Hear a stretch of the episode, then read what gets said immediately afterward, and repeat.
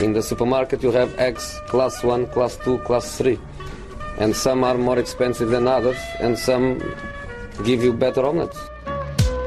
That's the wrong information. Wrong, wrong, wrong information. I didn't say that. That's the wrong information. Do you think I'm an idiot?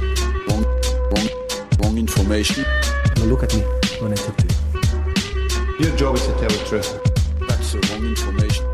Sillypodden tillbaka. Det är dagen före julafton. Ni är säkerligen alla upptagna med allt julstök och förberedelser inför julafton och inför uppesittarkväll och allt vad folk gör en sån här dag.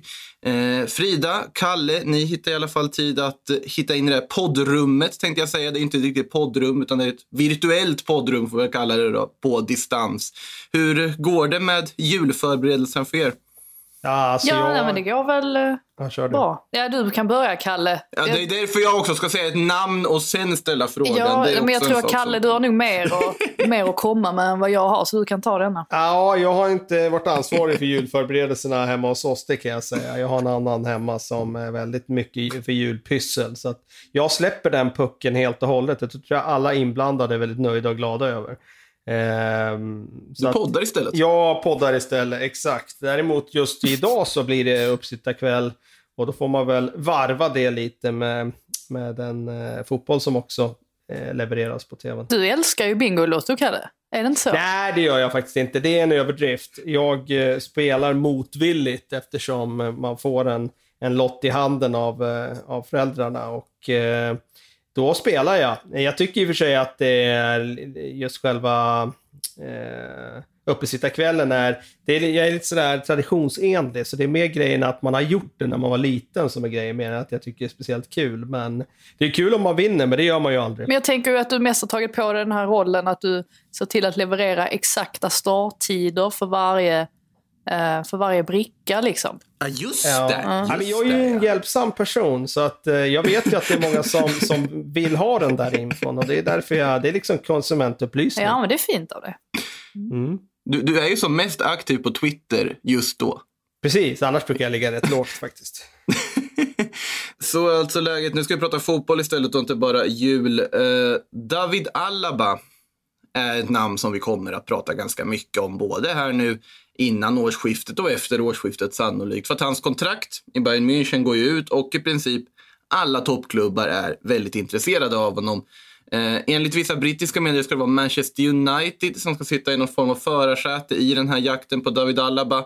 Och det vi kan konstatera åtminstone är väl att det verkar ju som att han inte blir kvar i Bayern München. Oliver Kahn, som ju jobbar där i sportliga ledningen i Bayern München, den gamle stormålvakten, har ju gått ut och sagt det att vi rullade ut den röda mattan för eh, David och gick liksom max rent ekonomiskt. Men David och speciellt Pini Zahavi, då agenten, ville inte gå på den här röda mattan så vi rullar tillbaka den. Helt enkelt. Det låter ju som att det blir ingen David Alaba som är kvar i Bayern München i alla fall av ekonomiska skäl. Nej, så är det. Ska vi, ska vi bryta in där eller? Vad var tanken? Alltså, ni, ni har ju poddat med mig så mycket så ni borde ju ändå känna lite igen mina segways. Eller? ja, eller kallar man det segway när man lämnar, eller överlämningar? ja nej, men absolut. Det verkar ju som att det eh, kommer ske. Och jag tycker väl det är lite spännande med det här Manchester United-ryktet. Eh, stämmer ju väldigt bra in. De har ju letat länge efter en vänsterfotad mittback. Eh, lite mer trist tror jag det kommer bli i så fall för Victor Lindelöf. För att det är väl tanken då att alla bara ska spela ganska mycket. Och en som säkert får ställa sig sidan då är väl Lindelöf antagligen. Fast jag tänker alla bara... Alltså, hans främsta styrka är också mångsidigheten. Han kan ju spela mittback, han kan spela defensiv mitt, eh, tvåvägsspelare, han kan spela ytterback. Det kommer finnas otroligt många positioner där han kommer kunna gå in. Så jag tror ändå att Lindelöf kommer få sin, kanske lite mindre än vad han haft innan, men ändå kommer få en hel del speltid om inte Ole, Ole Gunnar Solskjaer går till en trebackslinje där han använder alla. Det är inte heller helt otänkbart. Det är ett experiment han har testat i andra matcher tidigare också. Och Solskjaer gillar ju Lindelöf också. Alltså han håller ju honom väldigt hårt om ryggen. Det är Mm. inte så att han har någon större panik över att byta ut honom. Så, så det, det tror jag inte heller. Kalle, vad tror du att Alaba kommer användas primärt om han nu skulle dyka upp i United? Ja, jag vet inte riktigt vad de tänker sig honom primärt. Det ehm, naturliga är ju såklart mittback, men ehm, det är ju också intressant utifrån att är det någon svaghet som Lindelöf har visat så är det i huvudspelet och den kommer ju Alaba också ha en utmaning kring i eget straffområde i England. Så att eh, det är lite intressant. Sen har ju han väldigt fina spetskvaliteter, så det är klart att han skulle ge Manchester United nya dimensioner om han spelar mittback. Och jag skulle kunna se honom som vänsterback också, även om de nu har värvat Tejes här. Och jag vet inte om han har övertygat sådär jättemycket hittills, Så Shaw känns lite trött. Så att, eh, jag tror att det, det, finns nog också en tanke med den där mångsidigheten som du nämner, att han kan ju faktiskt täcka flera positioner. Jag skulle kunna se honom på defensivt mittfält också. Mm. I och med att det har varit en position där man har laborerat rätt mycket senaste åren. Frågan är ju vad han själv vill spela. Har han sagt någonting han om det? Vill, ja, men jag tror att han vill spela central mittfältare. Det är min känsla. Exakt. Det vill alla. Det, det, är det som, känns inte som Ja, det. men lite så. Alla vill ju spela tia helst. Och det, den positionen hävdar jag är på väg att eh, kanske försvinna i fotbollen. Inte på det sätt som den fanns förut i alla fall, att man hade råd att ha en lyxspelare där. Eh, trenden går till att man inte har råd att ha den typen av spelare där. Men eh, ja, jag tror att det är mycket det som gör att han vill lämna Bayern också. Mm. Alltså, han har ju spelat just central mittfältare i österrikiska landslaget ganska länge och användes primärt där även under sina tidiga år i Bayern München. Och det sägs ju att det han mest vill då är att få en större roll, att han ska ha en stjärnstatus. Och det pratades det om förra sommaren och även tidigare liksom under vintern och så vidare. Att han ville ju till Real Madrid och Barcelona.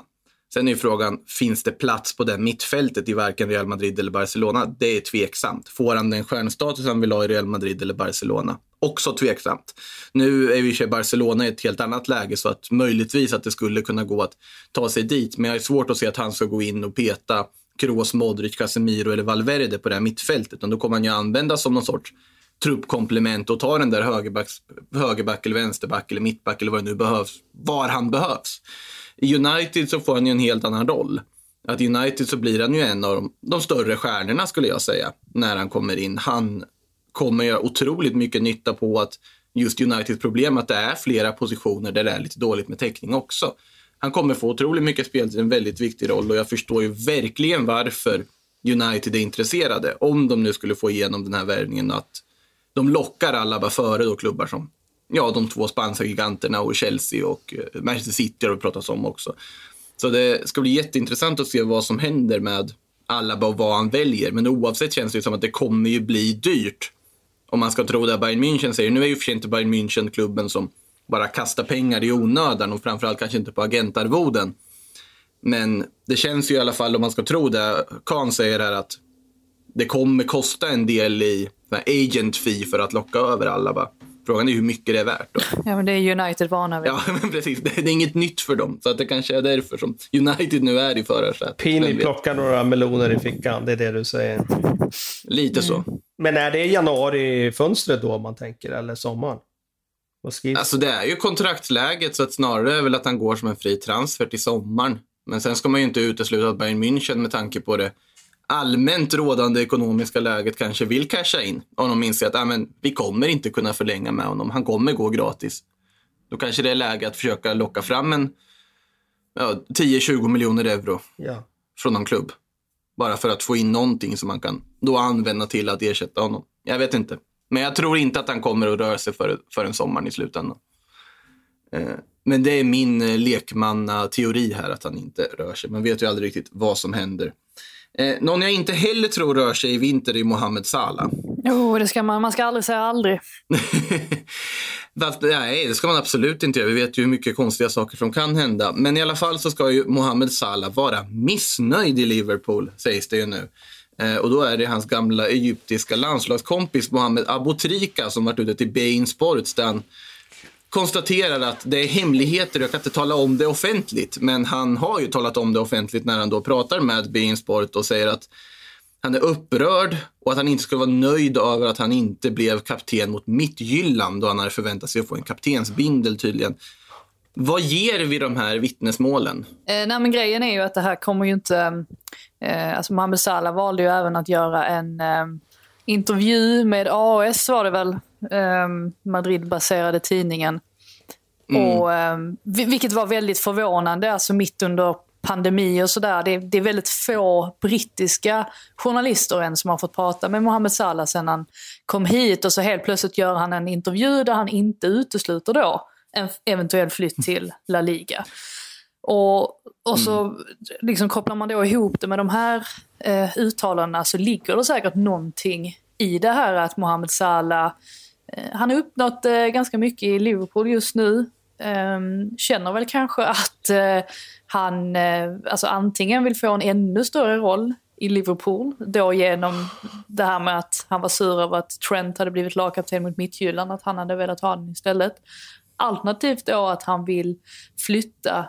Jag tror att i den här intervjun också med ehm, så sades väl, eh, så var det väl så att alltså en av de här grejerna som dök upp som anledning eh, till att han också ville lämna skulle vara att han tror att han kommer ha större chans att vinna typ Ballon d'Or i en spansk klubb. Och det får man ju låta vara, vara osagt om det är så. Men så att jag tror inte att det här är taget ur luften. Det är lite, lite så jag menar. Sen kan det ju fortfarande handla mycket, alltså hända mycket. Det kan ju fortfarande vara så att han kanske säger allt detta för att han vill förhandla fram ett bättre kontrakt med Liverpool. Att han sätter ner foten och visar um, alltså vad han tycker och tänker. Den generella bilden i Liverpool är att han oftast är en så att det är ingen spelare som, han är inte svår att ha att göra med. Utan han säger väldigt ofta vad han tycker och tänker öppet. Um, så att mm det, det här kan ju bara vara en, en sån taktik från hans sida. Sen är det ju lite konstigt att han blir så sur av det här med lagkaptensrollen för att hela Liverpools styrka har ju annars varit att de är ett sånt starkt kollektiv. Um, och det stämmer ju inte riktigt in i den bilden då som ges här. Och dessutom så var det ju inte särskilt länge sedan som Salah åkte ju till Egypten och var väl med på sin bror, var det va, hans bröllop. Och, vilket ju inte var alls populärt hos Jörgen Klopp. Så det är inte så att han har ett Alltså han har inte varit fläckfri sen han, alltså under sin tid i Liverpool heller. Um, men det var ju väldigt intressant just med tajmingen på den här intervjun med AS. Det var ju mest det man reagerade på. Så att någonting ligger det säkert i det. Sen eh, ska det väl mycket till. Alltså, jag kan tänka mig att han är sugen på att flytta till typ Real Madrid. Men det ska ju mycket till för att det, för att det sker också. Real Madrid har nog snarare siktet inne på Kylian Mbappé och Erling Braut Haaland på lång sikt. Ja, exakt. Kanske om de inte, ja, om de inte lyckas. Alltså det är kanske så han tänker också. Att lyckas inte de eh, värva någon av dem så kanske det öppnas upp en plats för honom. Alltså det här är väl antagligen någon långsiktigt tänk från hans sida också på hans nästa steg i karriären. För att nästa kontrakt som han skriver kommer ju bli det största han skriver i sin karriär. Det vet han ju. Och eh, ja, eh, kan man väl tycka vad man vill om att han håller på så här, men samtidigt, alltså det är ju många spelare som ehm, där, där det inte bara är själva lagets prestationer som spelar roll, utan där de individuella prestationerna, vad man åstadkommer i karriären, också är viktiga. Så att det kan man ju inte heller klandra Men det märkte man ju alltså, lite på Salah under den här riktiga, alltså den absolut bästa säsongen han hade när han slog målrekord och eh, var jagad. Att slutet den säsongen, det var inte många passningar han slog. när, han, när han visste att han kunde ta ett målrekord. Och Salah som person är ju, alltså såklart han är, han fungerar utmärkt i Liverpool och har gjort otroligt mycket för dem. Men samtidigt så är det ju, han har ju en sån här målmedvetenhet och ett liten här egen, han har ju ett ego som man nästan behöver för att nå allra högst. Är inte det ganska vanligt för anfallare just också? Alltså strikers. Jag tycker nästan att alla... Eh, jag, tror att just strikers är en sån där position där man nästan måste vara lite så. Eh, lite den typen. Jag kan ha fel, men... Nej, du har rätt. Ja. Det, det är klart att det är så. Det är klart det finns något i det. Det är mer vanligt där än andra positioner, definitivt. Nej, men det, han har ju en väldigt stor stolthet och samtidigt så är det ju så att oavsett vad Liverpool har åstadkommit, med risk att göra Liverpool-fans arga nu, så är det fortfarande ett steg upp för spelare att gå till Real Madrid eller Barcelona. Sett till historia, sett till liksom statusen på klubben, sett till hur du på, beroende lite på vart du kommer Ja, ifrån jag, tror, jag tror inte att Trent också, Alexander ska jag Arnold tillägga. håller med dig. Nej, inte för... Ja, men han, är, ju- han, han kommer ju inte... Han måste ju liksom dra sig ifrån med Liverpool med, med våld om man ska få bort honom därifrån. Så känns det ju. Men det, jag tror Mohamed Salah har ju inte samma koppling till Liverpool. Även om han har nått sina absolut största framgångar i karriären där så har ju inte han samma connection.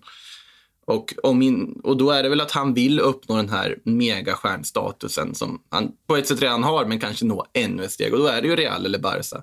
Problemet är att Real har inga pengar och väl när de har pengar så vill de köpa annat och yngre. Och Barcelona har absolut inga pengar utan snarare skulder. Så att det är ju ingen lätt övergång att få igenom om man nu skulle vilja få igenom den. Nej, kontrakt till 2023 också, så det är ett tag kvar. Det är två och ett halvt år. Så att det är Han får- ingenting som kommer...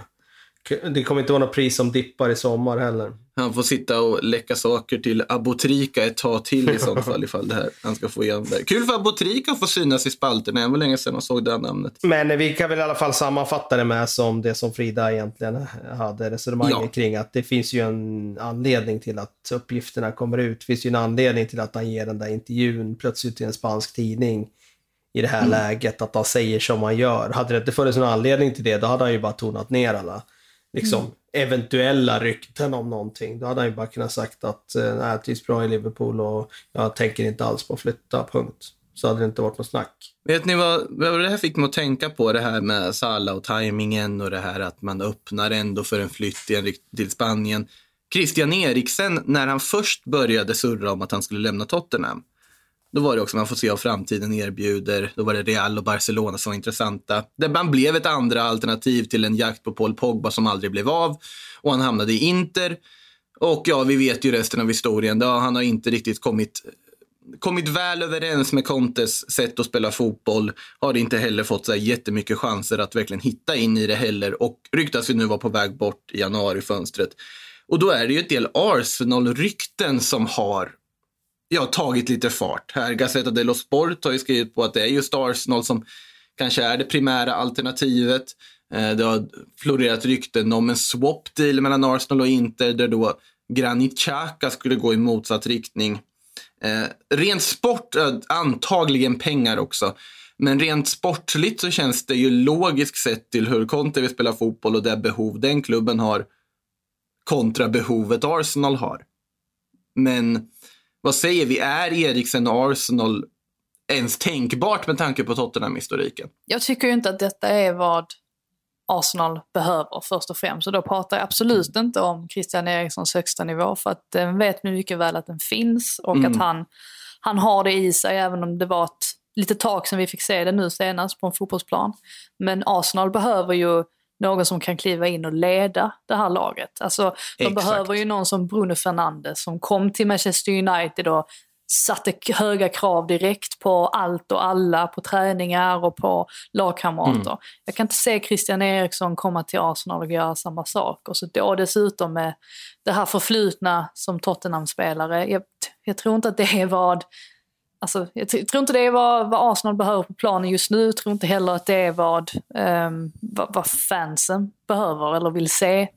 Så att jag, jag ställer mig lite tveksam till det här, om det skulle ske då. Jag håller helt med dig. Kalle, är du inne på vårat spår här också? Ja, jag tror att det finns, eh, jag hoppas att det finns också det där hindret att det är just Arsenal. Alltså, han har trots allt en historia i Tottenham väldigt nyligen.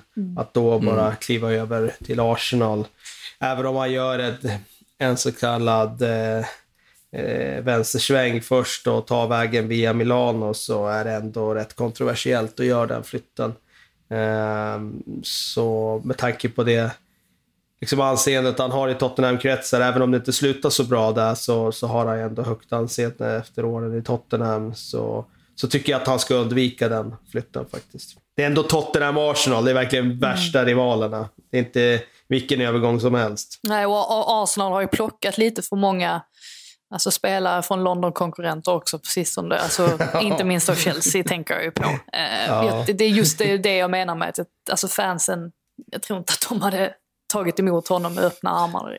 Nu ska vi spela med Eriksen och William på offensivt mittfält. Ja, och Luis i backlinjen. nya, ny, nya, nya Arsenal-bygget. Nej, det, om det nu skulle Plocka in så drink, inte... Drinkwater på mittfältet där sen så är det... Mm. Och Jorginho var det ju också Komplett. tal om ju, så in med honom också. Ja, just det. Ja, och Psyk kastar ju fram Aspi som eventuell potentiell, så här, skulle kunna bli en? Arsenal-värvning på sikt. Nej, när vi spelar in någon, någon gång så sjukt. pratar vi. Det är för sjukt. Det tror jag inte. Jag tyckte det lät rimligt om nu någon, nästa Chelsea-spelare som möjligtvis skulle kunna gå till Arsenal. Så känns väl ändå Aspi som på något sätt passande. Nej, kanske inte. Vi går vidare till, eller vidare, vi går tillbaka till Manchester faktiskt. Så är det, för det har vi ju ett ljusblått gäng också, nämligen Manchester City.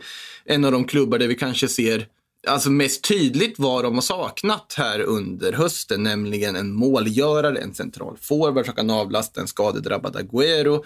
Det må vara Jesus högtid nu, men Gabriel Jesus, han har inte levererat riktigt som han har hoppats i City. Däremot säger ju Pep Guardiola att det är osannolikt att det kanske kommer in någonting i vinter, för det är trots allt en pandemi som har påverkat ekonomiskt, det har påverkat även City och man ska inte räkna med att det kommer värvas under vinterfönstret. Vad, är det spel för gallerierna eller känns det som att det är sant? Vad, vad tror du Frida? Ja, nej, men det är ju en striker och en vänsterback får man också flika in att eh, de behöver, så som det ser ut just nu. Mm. Nej, alltså det har ju kommit lite, lite rykten om att de har tittat på spelare i, ja, men, i diverse sydamerikanska ligor så där som de gör, att de håller ett bra koll eh, på den typen av spelare som man kanske inte följer eh, varje vecka. Mm. Så det gör de ju säkert. Får se här nu också med, tänker på Brexit-reglerna som träder i kraft, kommer kanske också få dem att agera lite annorlunda. Ehm, det är ju dels det här att man får inte lov att signa spelare som är under 18 år, så alltså, utom, utom engelska spelare. Eh, Det finns ju lite annat också, att man inte får ha mer än, man får inte signa fler än sex spelare som är under 21.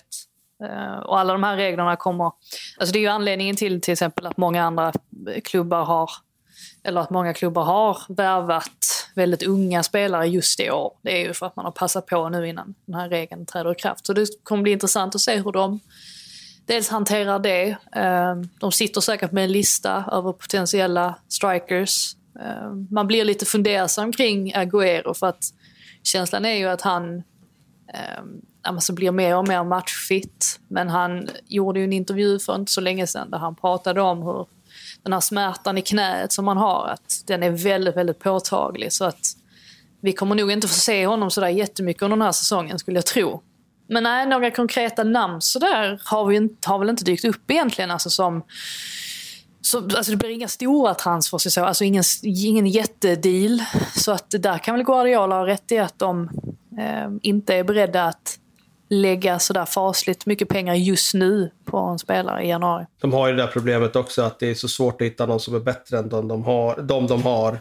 Och ska de göra det, då måste de ju gå på den absolut högsta hyllan i butiken. Det är Haaland typ. Och eh, han kommer inte vara tillgänglig nu.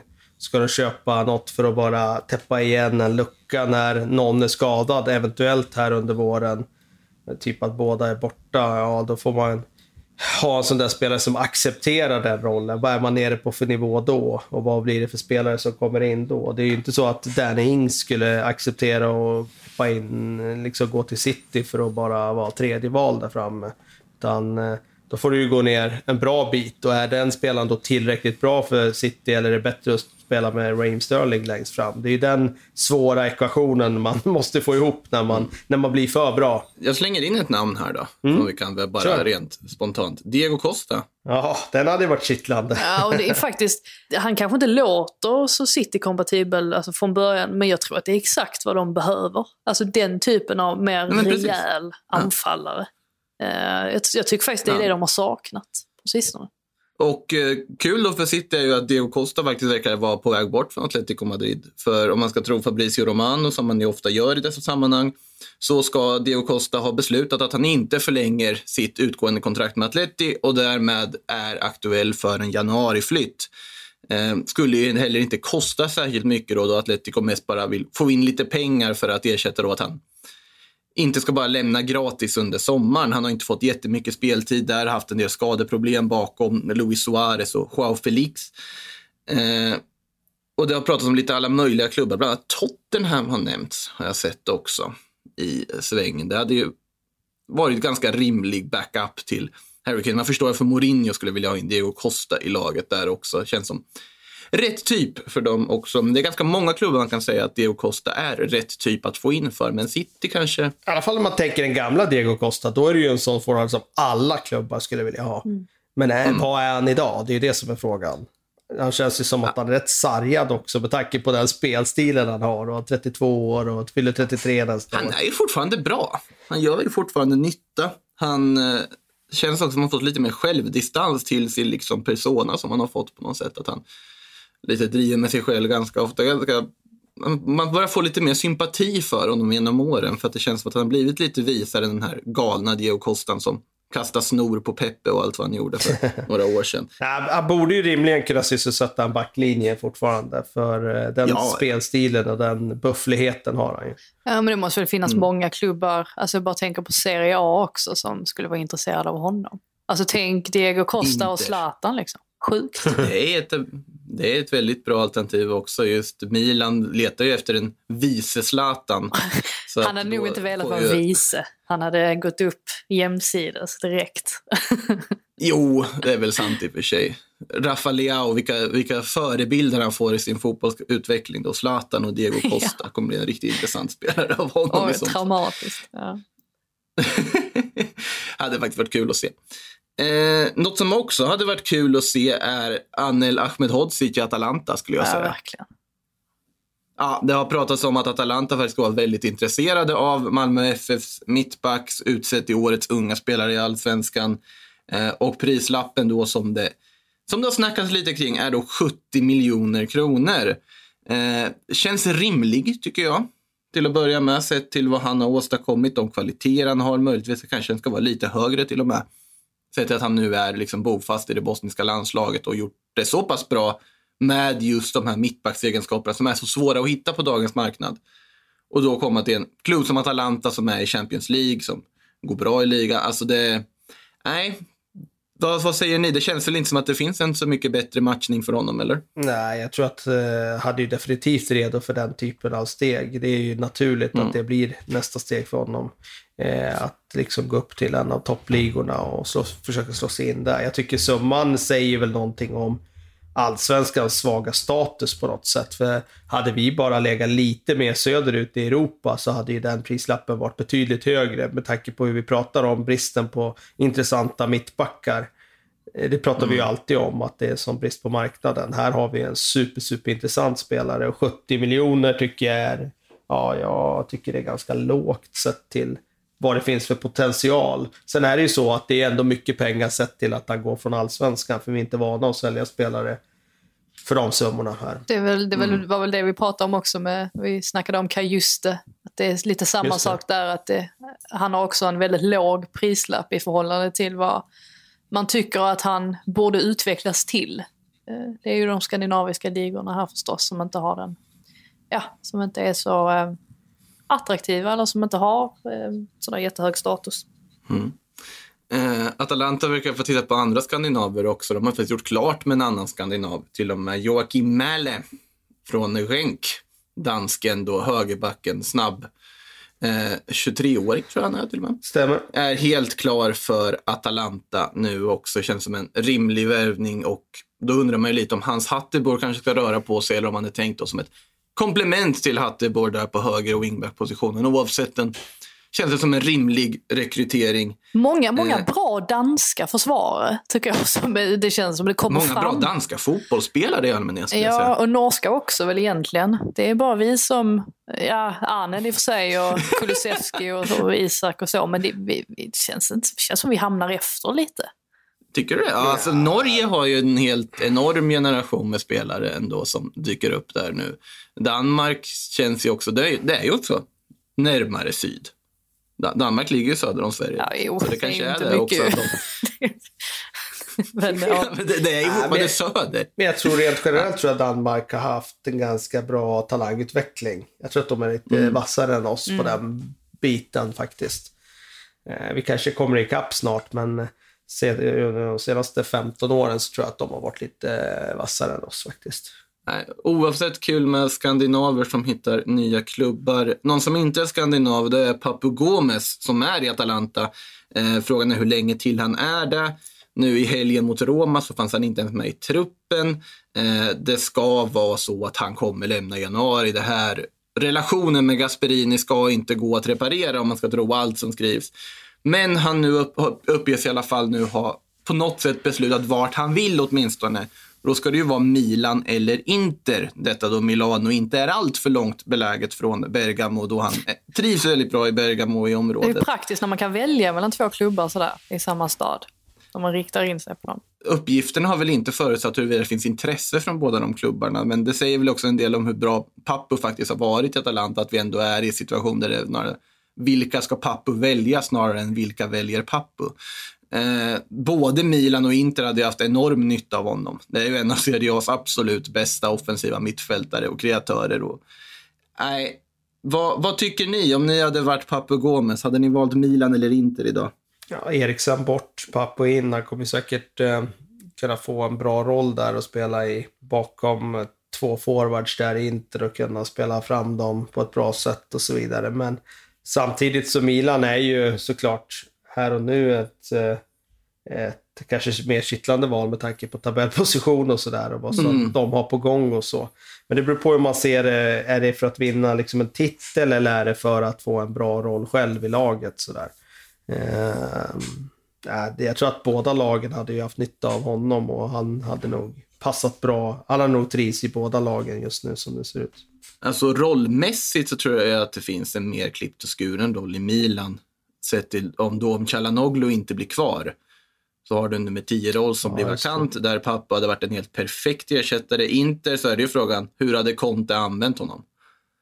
Man kan ju inte lita på att Conte hade gett honom den rollen. Nej, men hur länge blir Conte kvar han- då? Det vet man inte heller. Liksom. Nej, det är också en aspekt som man ska ha i beräkning. Eh, men, Men oavsett... vad intressant Ja. där med Papo när jag läste där om Papo där att det började alltså med någon slags, eh, den här alltså ganska eh, liksom rejäla liksom sprickan mellan han och Gasperini började med någon slags eh, order, taktisk instruktion som man fick ute på planen. Det började med det att han skulle byta Ja. position från central ut till kanten och sen liksom bara fortsatte det efter det.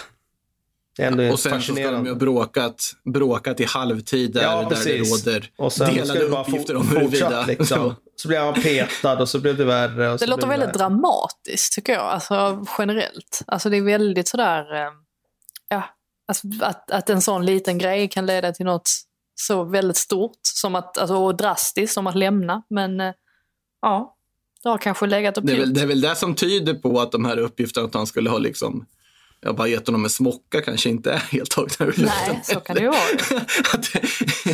Eh, nej, han, han gillar, eh, drama är, är han bra på, Pappo i alla fall. Ni har kanske sett musikvideon hoppas jag, Baila como el Pappo som han spelade in för x antal år sedan. Om ni inte gjort det så in och googla och se den videon med Pappos dans. Fantastisk. Vidare då till Olivier Giroud, inte samma dans och lekman kanske som Papo Gomes men likväl en väldigt bra fotbollsspelare. Han ska ju se sig om efter en flytt, kanske inte av anledning att han har nitat Frank Lampard utan snarare för att han vill då spela EM-fotboll för Frankrike och kanske inte helt nöjd med speltiden. Vadå, han har fått pratar- lite mer att leverera. Pratar vi fortfarande om det här? Eller vill han fortfarande lämna? Ja, ja. Det pratas fortfarande om Okej. det, faktiskt. Jag trodde vi hade stängt den dörren. Ja, den är inte helt stängd än, vet du. Eh, enligt Sky Sports är den i alla fall inte helt stängd. Och då är det Inter och Milan dyker upp igen, naturligtvis. Även Marseille har dykt upp då som eventuellt alternativ för Olivier Giroud. För det är ju trots allt så att även om han har gjort det väldigt bra och varit väldigt nyttig för Chelsea de gånger han har spelat så vill han väl då ha ännu mer speltid. Sen är ju frågan, skulle han få det i Inter bakom eh, Lautaro och Lukaku, tveksamt. Skulle han få det i Milan bakom Zlatan Ibrahimovic eller ska han spela båda de fyrtornen på topp? Tveksamt. Eh, så att vi, det kan nog bli en vinter fylld av rykten och sen stannar han kvar i Chelsea och gör ett fantastiskt jobb där oavsett. Alltså för det jag inte förstår riktigt är ju att det är ju inte som att Tammy Abraham går före honom. Alltså Tammy Abraham går före i vissa matcher kanske, men i, sen i andra matcher så går Giroud före. Alltså de är ju väldigt... ehm, Alltså Chelsea är väldigt flexibla, eller Lampard är ju väldigt flexibel på det sättet att han tar ju verkligen ut en startelva som man tror kommer passa det laget man möter. Och sen är det klart att det är mycket som konkurrerar med att Timo Werner kan också spela centralt och så vidare och så vidare. Men jag trodde liksom med tanke på att Giroud ändå har fått spela en hel del matcher nu på sistone. Det kommer, det är dels är det mycket matcher nu, det kommer ännu fler matcher sen, alltså det kommer mycket matcher ända fram till slutet. Så trodde jag att det liksom var lugnt där nu. Och jag är ju fullkomligt övertygad om att Lampard inte vill att han ska lämna i alla fall. Nej, det känns som han gör ju fortfarande nytta där. Så att det, det är väl snarare Girouds egen önskan då som, som jag då återgivit. Och sen är det frågan om det stämmer, om han kanske ändå blir kvar i Chelsea. Vi får se. Eh, vidare, Milan blir det ganska mycket om. Det har ju ändå surrats ganska mycket kring dem. De vill ju ha Sambo Angissa från Fulham tydligen, i det här fönstret. Ja, det är ju Fridas favorit, så att den, eh, du kan ju ta den. Rör inte honom, säger jag bara. Låt Scott Parker ha honom kvar. Nej, jag, jag blir glad ändå att höra och glad att se att eh, Frank André Sambo Angissa har gjort sån nytta i Fulham. För att han var ju fantastisk i Villarreal förra säsongen.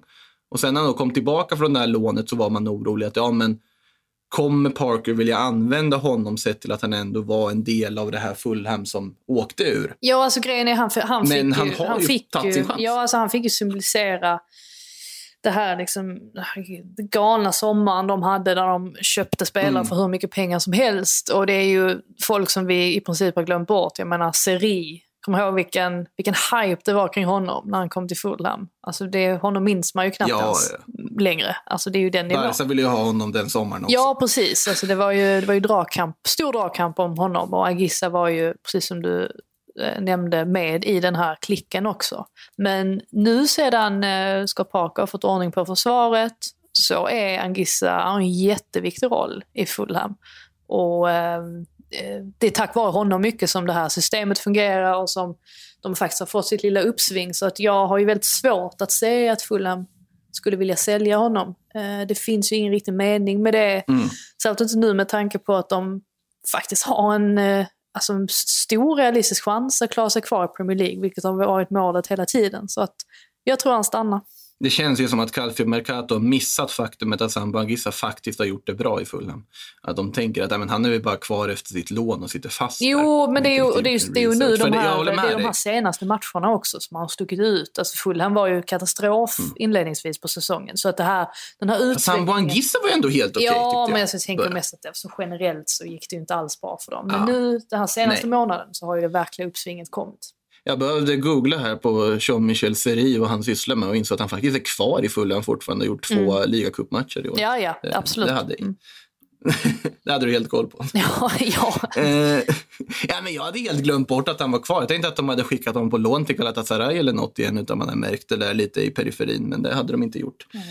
Eh, någon annan intressant innermittfältare i, eh, i de lägre regionerna av Premier League-tabellen är ju Yves Bissouma i Brighton. Ja. är en spelare som har varit aktuell, eller ryktats till i princip hela Big Six i olika sammanhang att de ska in och Real Madrid ska vi nu slänga in Nej, i den här rör inte också. honom heller. Varför ska de på de här viktiga spelarna? Det, jo, det fattar man ju. De har gjort det bra. Det är därför det väcks intresse. Men det Ja, är, det finns ju någon logik i det. ja, men, Rör men det är ju samma sak här. Att, alltså, jag kan inte se Brighton... Alltså, de kommer göra allt för att inte behöva släppa honom. Han är riktigt bra faktiskt. Han kommer att spela i en toppklubb här. eh, Förr snarare än senare.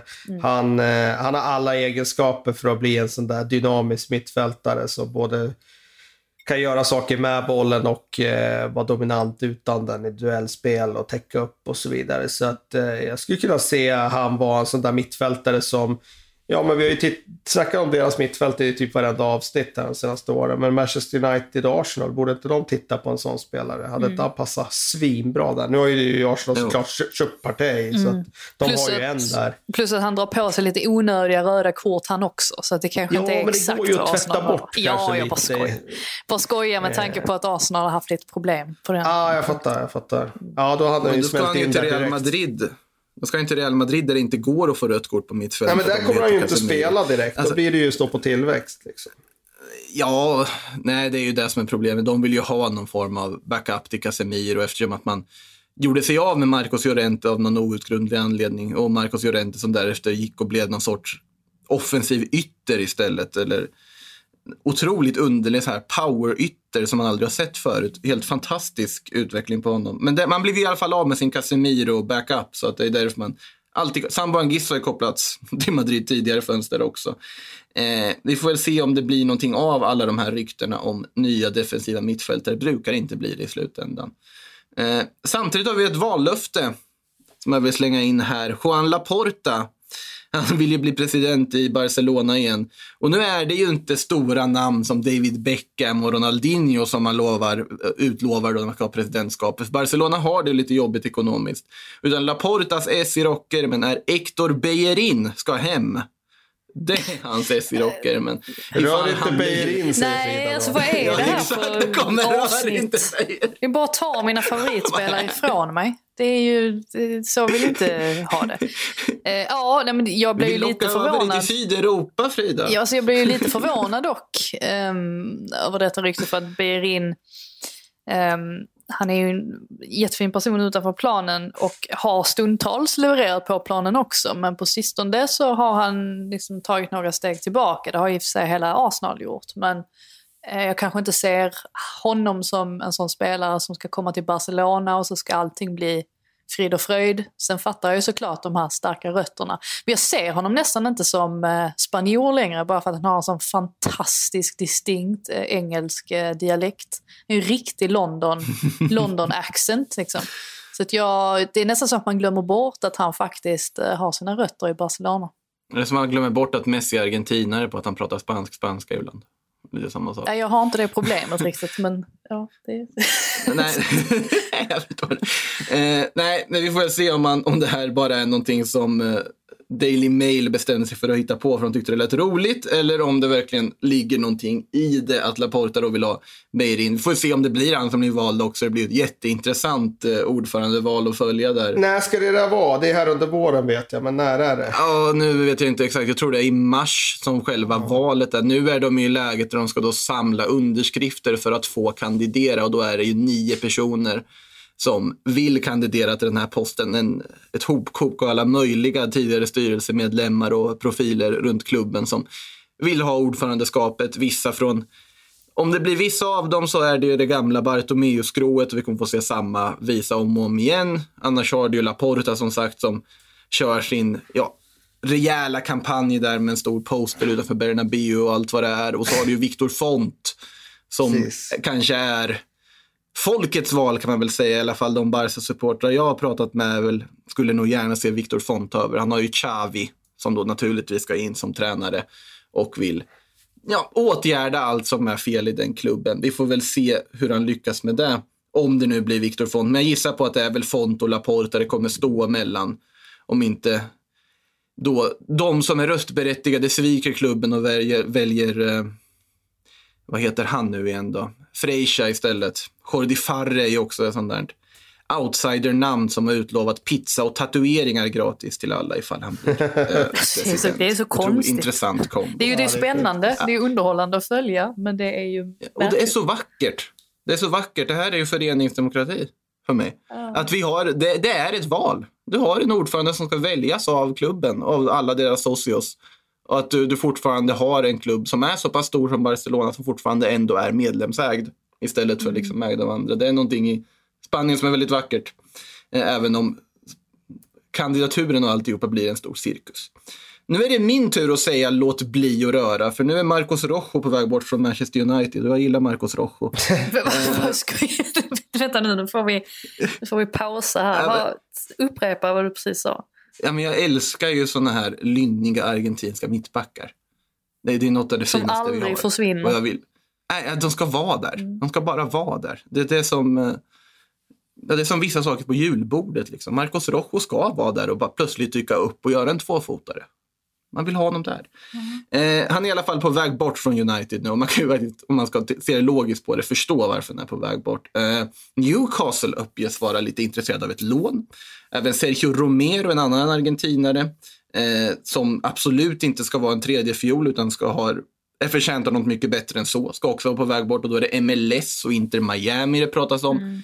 Den, Eh, båda de... Ja, jag tänkte Ja. bara säga att den historien där är ju ganska intressant med Romeo. Det var ju hans flickvän Ja. eller fru som gick ut och, och fördömde Manchester United i princip för eh, behandlingen av Romeo då när de plockade tillbaka Henderson så att han trillade ner i, eller halkade neråt i hierarkin. Han har ju inte varit nöjd under ett ganska bra tag nu. Eh, I alla fall sen han insåg att Henderson skulle komma tillbaka. Så det där är ju ingen skräll i alla fall att han lämnar.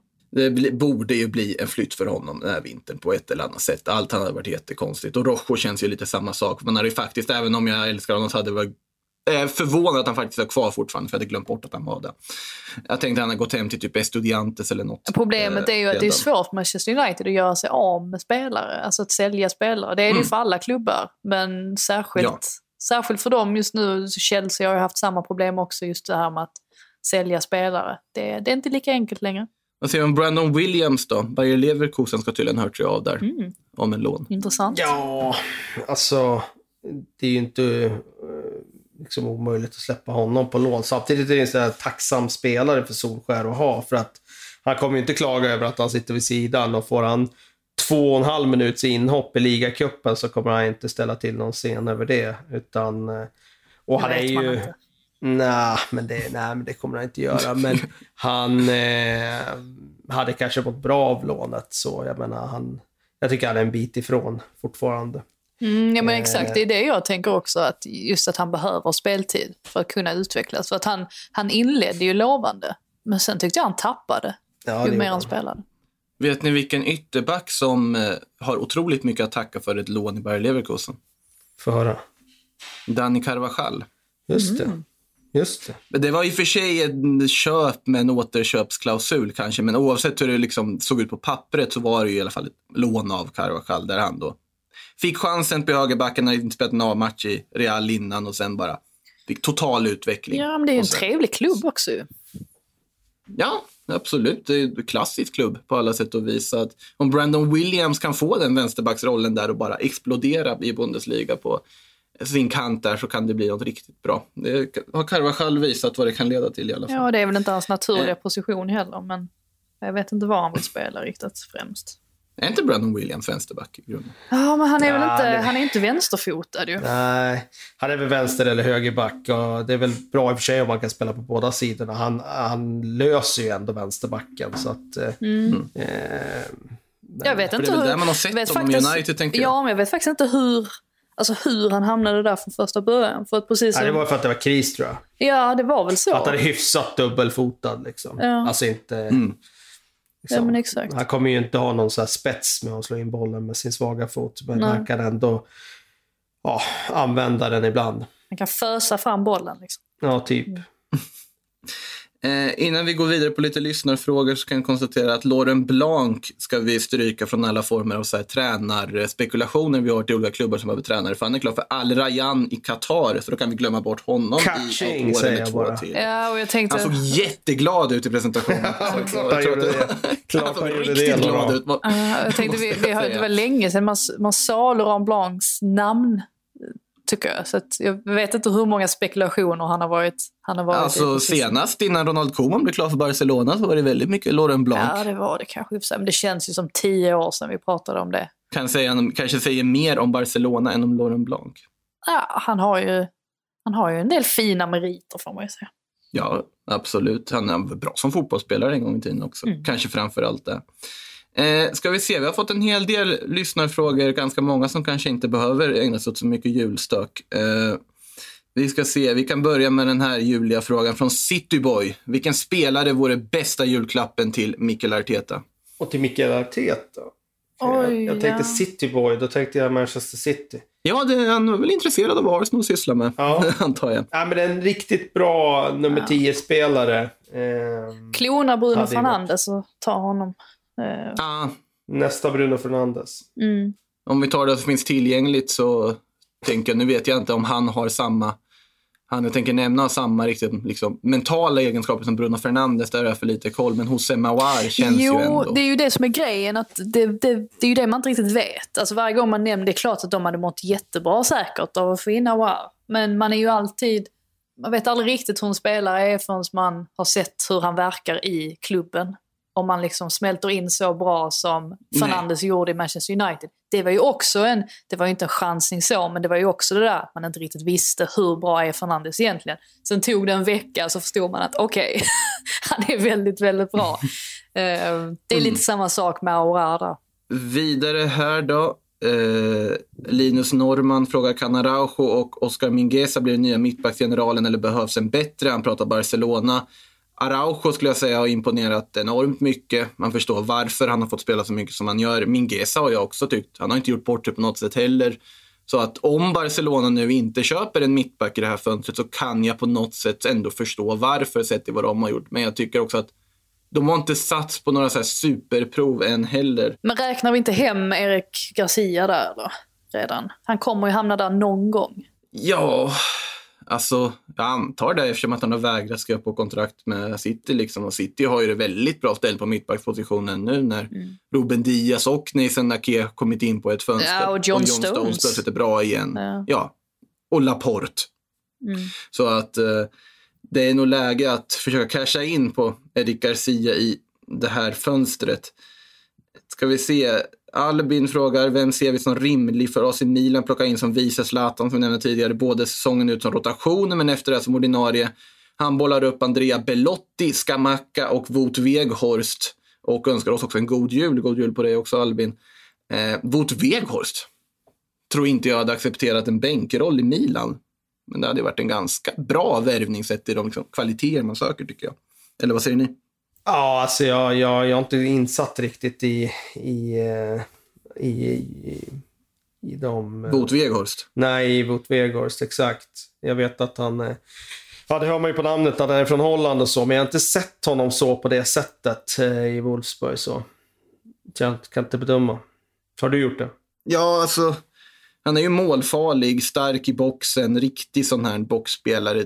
Lite faktiskt den typ som Arsenal skulle kunna haft ganska mycket nytta av. Tror jag. Också, eller ganska många Premier League-klubbar har pratat om att de behöver en bra striker. Frågan om City. Jag vet inte om Weghorst är i ett läge av sin karriär där han skulle acceptera en mer undanskymd roll i en större klubb. Eller hur han resonerar. Men alltså sett i de kvaliteter han har visat i Wolfsburg så tycker jag att han borde vara aktuell för väldigt många klubbar måste jag säga. Ja, de kommer väl sälja honom i alla fall, känns det väl som. Eh, alltså det vore ju bra tillfälle att få in lite, lite cash, kanske om man har en sån spelare tillgå. Det känns som en så här oerhört Bayer Leverkusen-värvning tycker jag. Mm. Alltså om, om, om de nu skulle vara ute efter något sånt. Då ska vi se. Mon Locko frågar, Haaland och Rice är Chelseas två mål till sommaren, detta enligt Sky Sports. Finns det en chans att Haaland väljer det blå och Rice kommer han redan i januari? Och god jul även från honom och god jul även till dig. Vad säger vi? Haaland? Alltså, var ska han få plats då? Om de ska värva honom. Nej, men då är de inne på det där som jag, vi hade en diskussion kring när vi gjorde Chelsea-programmet där om, mm. om ska de ta nästa kliv och verkligen kliva upp och liksom slåss om de stora titlarna, då kanske det inte räcker med Werner som nia. Det kanske räcker som med Giroud som nia. Alltså, då kanske de måste ha en världsklasspelare där. Alltså absolut toppklass. Och det är klart att det... Som det är nu så har inte Werner någon riktigt naturlig roll i Chelsea. Um, och det kanske skulle vara bättre för honom att spela nia, men då är frågan, skulle de vinna ligan med Werner som nia? Jag vet inte riktigt. Uh, det är klart att de är intresserade av Haaland, om det skulle vara möjligt att lösa. Men jag tror att det kommer vara fler som är med om budet där. Jag tror kanske att han skulle hamna någon annanstans i första hand. Så jag tror inte mm. de får honom. Däremot när det gäller Rice så, så ja, kan det mycket väl bli så att det kommer hända. Sommar. Ja, sommar kanske.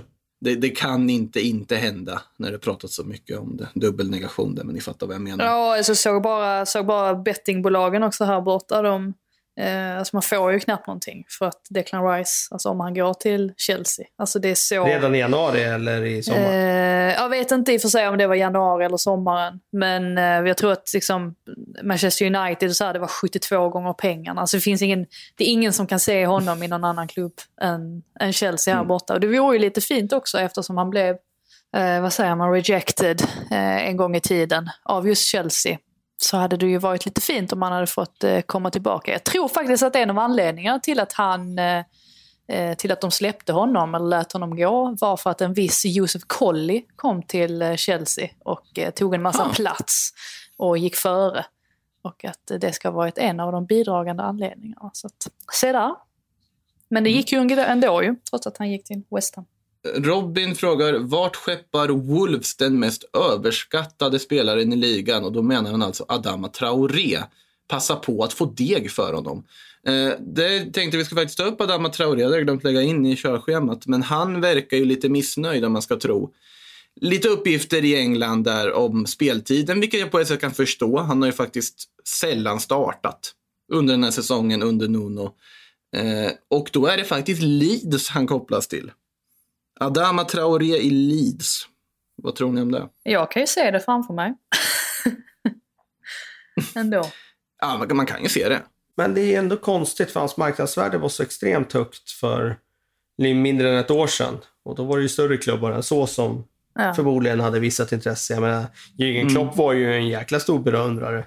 Eh, det sa han ju där i samband med någon match, att han var imponerad av honom. Så att... Eh, Och plockade Jota istället. Ja, precis. Eh, Han hade nog gärna plockat båda två. Jag tror att en sån spelare kunnat ha blivit bra om han hade spelat i Liverpool. Men, men jag tror inte Leeds kan lägga beslag på en sån spelare. Jag tror att det kommer vara någon annan större klubb som kommer se potentialen hos honom. Och det borde Och det ju vara. Han är värd chansningen. Det är ju underligt att han inte spelat ändå, tycker jag. Att Ja. han ändå använts så pass sparsamt av Nuno. Eh, Sen håller jag faktiskt, kanske inte det mest överskattade, men jag håller med om att det finns en viss överskattning på Adama Traoré, men det kan han förtjäna sett till. Alltså kanske i så fall alltså, hel, alltså, hela spelaren, men alltså, de spetsegenskaperna han har är ju överjäkligt bra ju. Det är ju det som är, det Ja. är, ju det som är grejen. Ju. Det är ju det där resten som är frågan. Liksom. Eh, ta en sista fråga innan vi tar jul och tar helg. Eh, Henrik frågar, vad har ni på Caicedo som ryktas till Manchester United? Och nej, det är inte Felipe Caicedo, den storvuxne Lazio-anfallaren. Det är tyvärr inte det. Utan det är faktiskt en annan Caicedo som spelar i Independiente del Valle i Ecuador. Moises Caicedo. Precis. Eh, ni- 19 år, central mittfältare, box to box. Eh, redan ecuadoriansk landslagsman. Den har gjort det jättebra i VM-kvalet för Ecuador. Det är väl det jag har på honom. Han, eh, han ska ju tydligen influeras väldigt mycket av eh, N'Golo Kanté. Vilket, och vilket är intressant för det har vi ju Mm. pratat väldigt mycket om att Manchester United behöver en spelare som Kanté. Ja, det behöver ju många lag i och för sig. Men, ehm, så Jag det är ju kollade honom lite nu, Caicedo nu, Mm. eftersom vi eh, skulle ta upp honom. Och han är en bollvinnare likt Kanté, men jag tycker också jag ser kanske större dimensioner än Kanté i passningsspel relativt sett.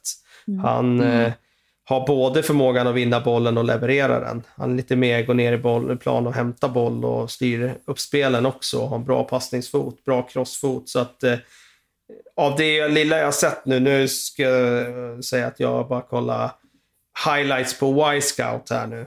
eh, precis inför avsnittet. Men eh, då tycker jag det ser ut, om man tänker på hans ålder, att han är 19 bast och gör de här grejerna man ser här, då, då finns det en jäkla höjd i den Finns där en- spelaren. Så jag är inte förvånad över att de tittar Det finns en på koppling till United också Mm. med ehm, att hans största idol, ja precis, Valencia. Antonio Valencia, att det var hans största idol när han växte upp. Så att, ehm, det är ju lite fint, vi kanske går i hans fotspår. Just det, de hade konsulterat Antonio Valencia här kring Ja, honom såklart. Så att, eh, Det var ju inte, det var ingen överraskning. Sen ska ju tilläggas att Valen- Valencia var ju verkligen en kanonrekrytering för United, så man förstår ju varför de tittar på liksom, den ekvadorianska marknaden igen. Det är väl en ganska utforskad marknad. ja, verkligen. Eh, jag tittar på ett mål han gjorde i Copa Libertadores nu. Riktigt fint skott har han också, ska tilläggas. Så det här Ja, känns väl som en... eh, Ja, Mm. kör United, kör bara, kör. kör bara. Ringa Woodward Kör, kör bara, det här, det här blir kanon. Ge grönt ljus. Ja, låt...